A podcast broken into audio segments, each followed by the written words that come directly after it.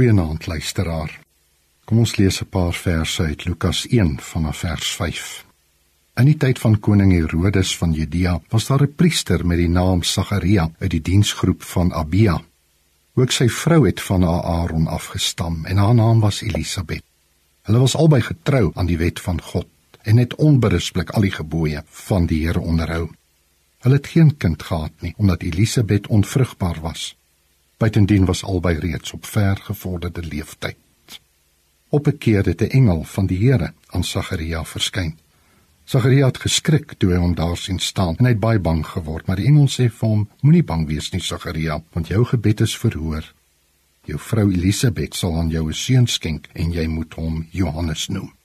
Oor bietjie meer as 'n week vier ons Kersfees. In hierdie tyd wat ons Adventstyd noem, die tyd van uitsien na die geboorte van ons verlosser Jesus Christus en op sy koms wag, wil ek 'n bietjie stil staan by die betekenis van Jesus se geboorte vir jou en vir my uit die Lukas Evangelie, die eerste hoofstuk. Aan die voorhand van die geboorte van Jesus Christus op aarde, ontmoet ons in hierdie evangelie 'n egpaar, die priester Sagaria en sy vrou Elisabet. Sagaria en sy vrou is albei afstammelinge van die aardspriester Aaron. Hulle was mense van wie spesifiek gesê word dat hulle getroue gelowiges was wat onberispelik hulle gehou het aan die gebooie van God. Daar ontbreek egter iets in hulle lewe. Hulle is kinderloos en die kans dat hulle 'n kind van hulle eie sou kry was totaal onmoontlik, want albei was reeds op hoë ouderdom en buitendien was Elisabet onvrugbaar. Dan verskyn daar op 'n dag toe Sagaria besig was met sy priesterlike take in die tempel 'n engel van die Here aan hom en bring die tyding dat hulle 'n seun sal kry. Wanneer 'n mens hierdie verhaal van die priester Sagaria en sy vrou Elisabet hoor, dink 'n mens dadelik ook aan Abraham en sy vrou Sara aan die begin van die geskiedenis van die volk Israel in die Ou Testament.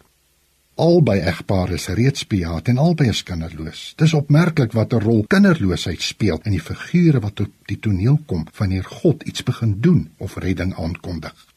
Dis asof die getuienis uit hierdie mense se lewe uitgaan dat God elke keer verlossing en bevryding in die lewe van sy volk bring wanneer daar uit die mens geen moontlikhede meer bestaan nie.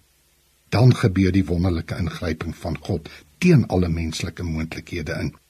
So wil Lukas met sy evangelie die ou geskiedenis by Jesus se geboorte weer opdiep om die groot wonder van God se liefde en genade weer uit te lig.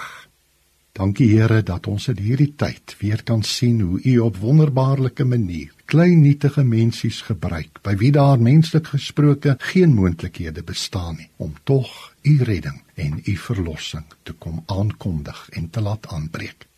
Mag ons daaraan altyd vashou. Amen.